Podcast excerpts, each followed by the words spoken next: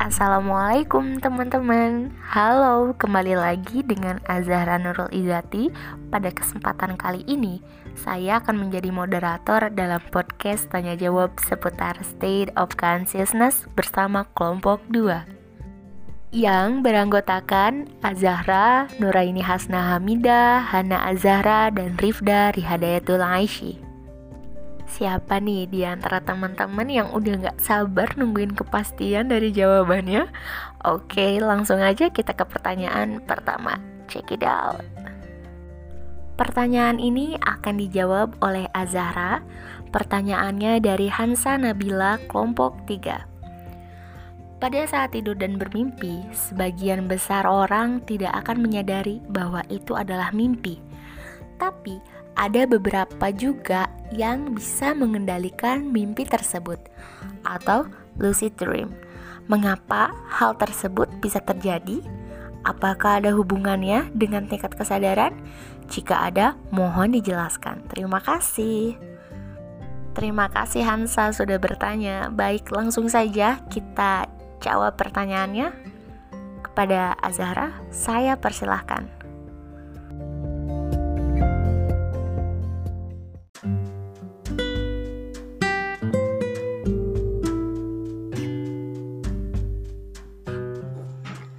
Terima kasih kepada moderator. Baiklah, langsung saja saya menjawab pertanyaan dari Hansa. Mengapa hal tersebut bisa terjadi dan apakah ada hubungannya dengan tingkat kesadaran? Jadi, lucid dream itu terjadi secara spontan, tapi ada juga yang sengaja melatih diri mereka untuk bisa mulai bermimpi dengan jernih atau mengontrol mimpinya menjadi lebih baik. Dan menurut artikel yang saya baca, Lucid dream itu bisa juga terjadi karena neurotisme, yaitu faktor kepribadian dan suasana hati seperti cemas dan depresi memiliki hubungan kuat dengan frekuensi terjadinya mimpi sadar atau lucid dream. Dan lucid dream itu terjadi pada fase REM, yaitu fase di mana tidur yang sudah dalam dan lelap. Dan apakah ada hubungannya dengan tingkat kesadaran? Iya, itu semua berhubungan dengan tingkat kesadaran. Karena itu terjadi pada saat kita tidur, dan ketika tidur, tentunya kesadaran kita berkurang, yang awalnya kesadaran penuh sampai kita tidur nyenyak. Jadi, begitu Hansa dan teman-teman. Semoga kalian mengerti, ya.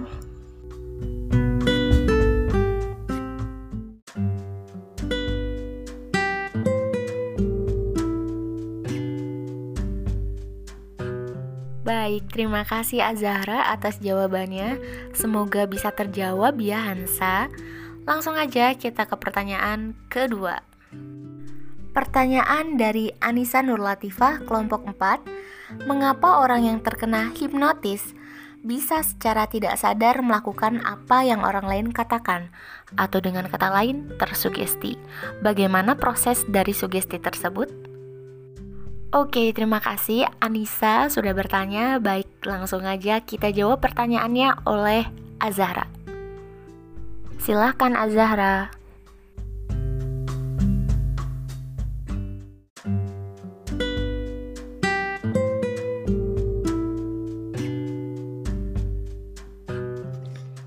Baiklah, terima kasih moderator.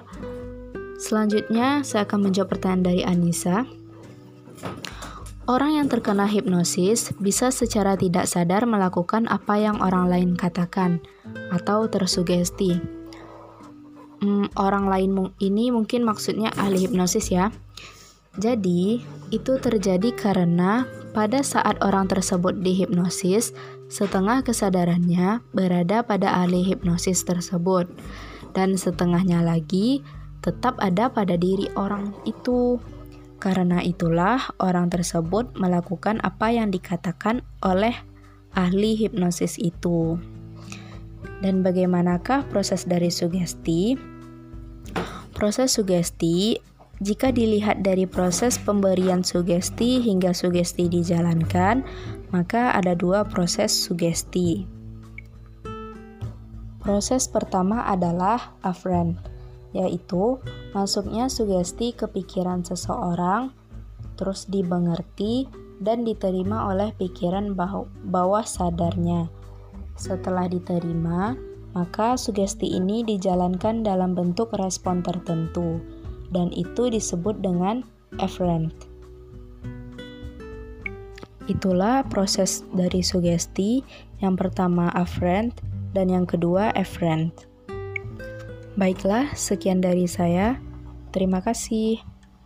Semoga pertanyaan dari Hansa dan Anissa sudah terjawab ya.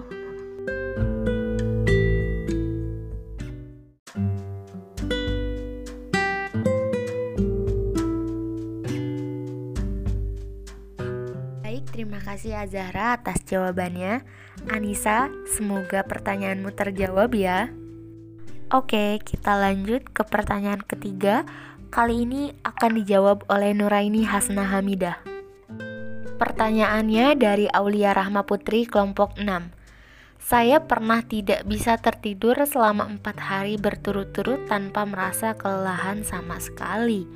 Apakah itu termasuk mengalami gangguan pada tahap tertentu dan juga gangguan tidur tertentu? Terima kasih Aulia atas pertanyaannya. Baik langsung saja Nuraini bisa dijawab.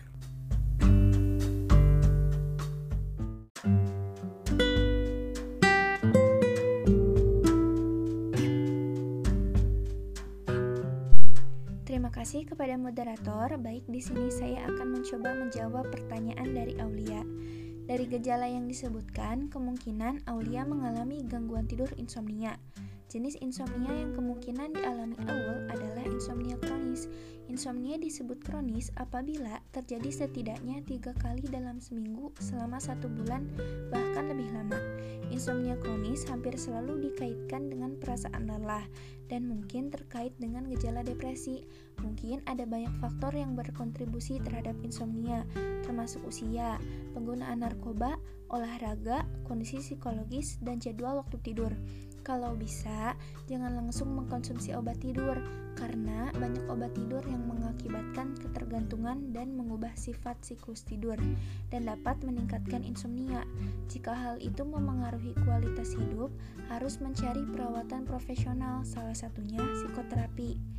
Ada beberapa kebiasaan yang mungkin bisa dicoba untuk mengobati insomnia. Misalnya, mandi air hangat sebelum tidur, hindari penggunaan ponsel atau laptop sebelum tidur, dan yang terakhir, olahraga teratur tetapi tidak dilakukan sebelum tidur. Semoga menjawab ya.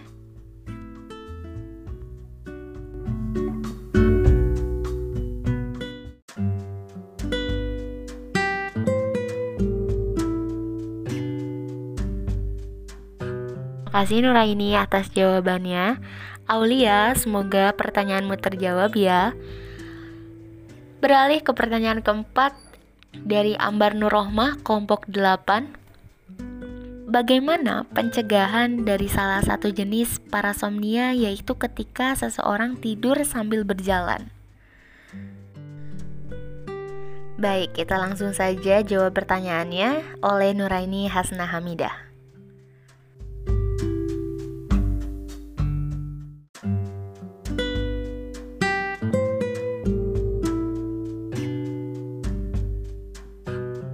Oke, terima kasih kepada moderator. Di sini saya akan coba menjawab pertanyaan dari Ambar. Pencegahan tidur sambil berjalan. Yang pertama, mengurangi stres. Yang kedua, melakukan aktivitas yang bisa merelaksasi pikiran sebelum tidur, misalnya mandi air hangat atau membaca buku. Yang ketiga, tidak mengonsumsi minuman beralkohol atau berkafein sebelum tidur. Yang keempat, membuang air kecil terlebih dahulu. Yang kelima, membuat kamar menjadi senyaman mungkin. Yang keenam, mendisiplinkan waktu tidur. Nah, jika salah satu anggota keluarga ada yang mengalami gangguan tidur ini, bimbing penderita agar dapat kembali tidur. Jangan berteriak atau mengejutkan penderita. Bila gangguan ini terjadi pada waktu yang sama tiap malam, cara lain untuk mengatasinya adalah dengan membangunkan penderita 15-30 menit sebelum gejala penyakit tidur ini muncul. Nah, apabila terjadi pada anak, Buatlah tambahan pengaman di sisi ranjang untuk mencegah mereka turun dari kasur. Bila, bila perlu, awasi anak tiap malam atau sewa perawat untuk melakukan tugas khusus ini. Nah, semoga menjawab ya.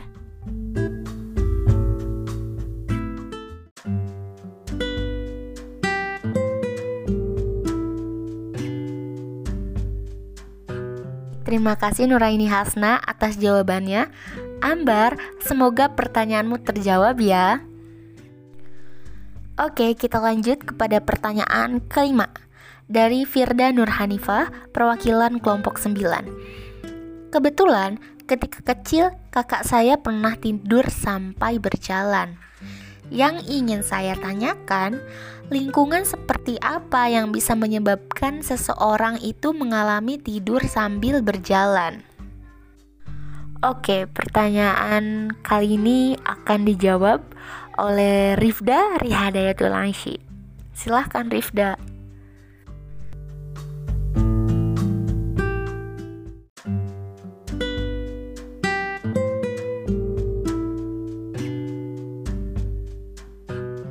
Baik, terima kasih Azahra. Sekarang saya akan menjawab pertanyaan dari Firda. Nah, faktor-faktor penyebab tidur berjalan itu ada tiga, yaitu faktor genetik, faktor lingkungan, dan faktor fisiologis. Nah, menurut artikel yang saya baca, faktor lingkungan itu terjadi karena kurangnya tidur, jadwal tidur yang kacau, stres, keracunan alkohol, dan terakhir minum obat-obatan. Nah, minum obat-obatan juga menjadi salah satu faktor lingkungannya. Terima kasih.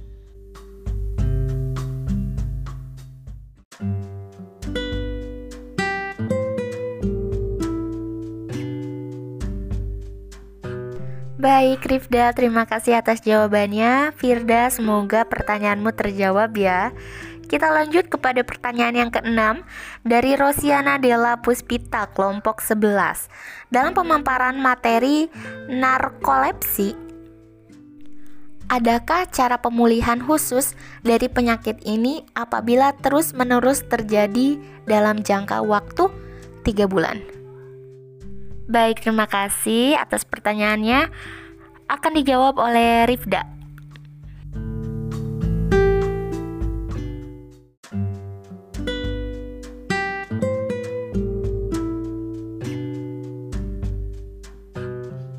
Baik, terima kasih Azahra. Sekarang saya akan menjawab pertanyaan dari Rosiana Della. Nah, menurut artikel yang saya baca, Sampai saat ini tuh belum ada metode yang dapat menyembuhkan narkolepsi sepenuhnya. Namun, beberapa gejala narkolepsi dapat ditangani dengan perubahan gaya hidup, terapi, dan obat-obatan. Nah, sementara itu usaha yang dapat dilakukan sendiri tanpa obat-obatan yaitu dengan menghindari atau meminimalisir paparan pemicu emosional dan juga tidur yang cukup di malam tidur yang cukup di malam hari. Mungkin sekian, terima kasih.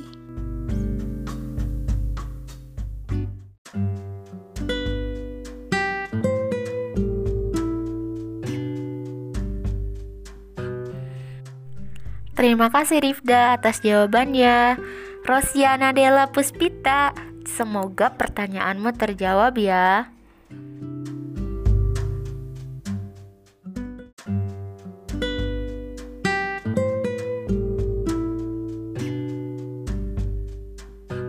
Kita ke pertanyaan berikutnya. Pertanyaan dari Nabila Husna perwakilan kelompok 12.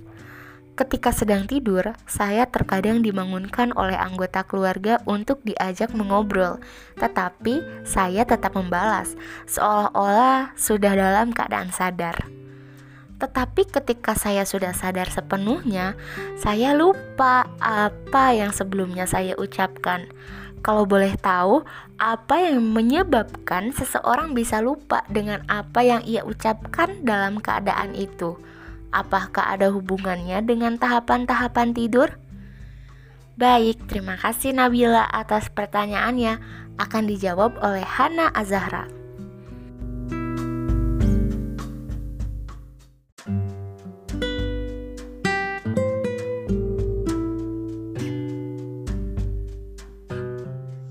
Terima kasih kepada moderator yang telah mempersilahkan dan terima kasih kepada Nabila Husna yang telah bertanya. Dalam kasus ini ada hubungannya dengan tahapan tidur. Memungkinkan Nabila sedang tidur di tahap tiga akhir atau pada tahap keempat. Pada tahapan-tahapan ini, fungsi tubuh sebagian besar melambat, sehingga saat sedang dibangunkan, Nabila tidak sepenuhnya sadar. Posisi ini membuat Nabila tidak dapat mengingat apa yang diucapkan karena kehilangan beberapa kendali dalam tubuh. Meskipun ketika kita tertidur otak tetap berjalan, akan tetapi, kondisi tubuh yang letih dan tidur yang semakin pulas membuat kesadaran kita menurun dan kita cenderung melupakan hal-hal yang tidak kita lakukan secara sadar. Seperti contohnya melamun. Nah, kita bisa melupakan apa yang kita lamunkan dengan mudah. Begitu pula dengan keadaan setengah sadar. E, seperti itu jawaban dari saya. Semoga terjawab yang Nabila. Terima kasih.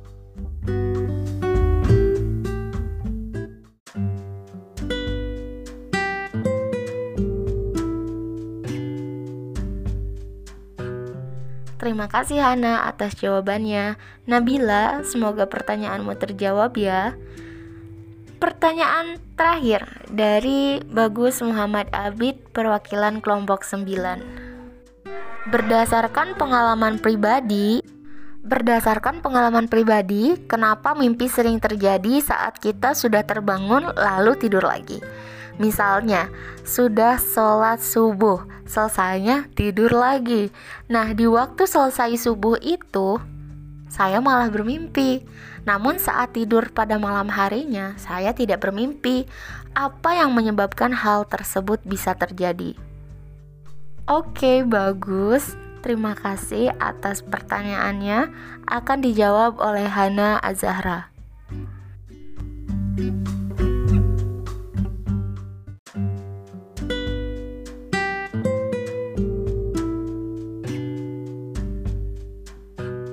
Baik, terima kasih kepada moderator yang telah mempersilahkan dan terima kasih kepada Bagus yang telah bertanya.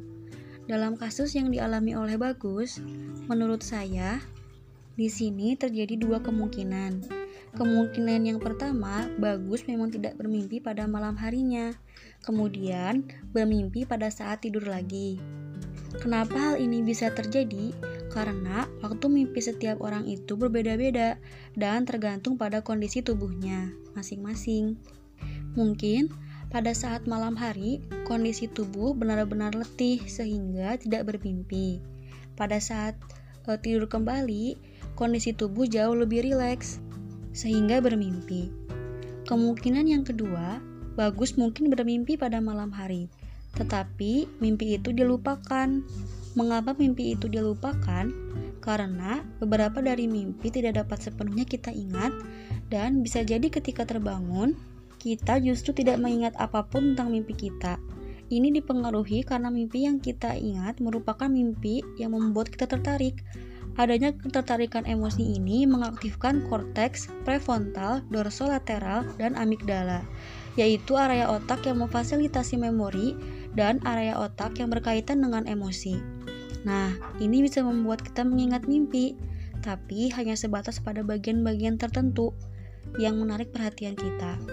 Mimpi dilupakan karena otak terkadang tidak menyimpan hal-hal yang sifatnya tidak mungkin, apalagi mimpi yang terkadang tidak jelas, tidak beralur, dan tumpang tindih. Sekian jawaban dari saya, semoga terjawab ya. Terima kasih, mohon maaf bila ada kesalahan.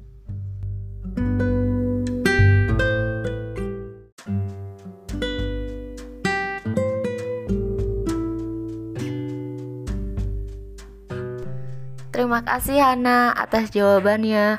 Bagus, semoga pertanyaanmu terjawab ya.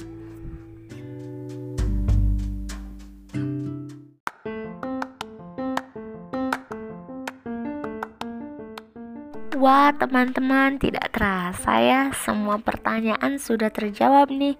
Semoga rasa penasaran kalian bisa terpuaskan ya.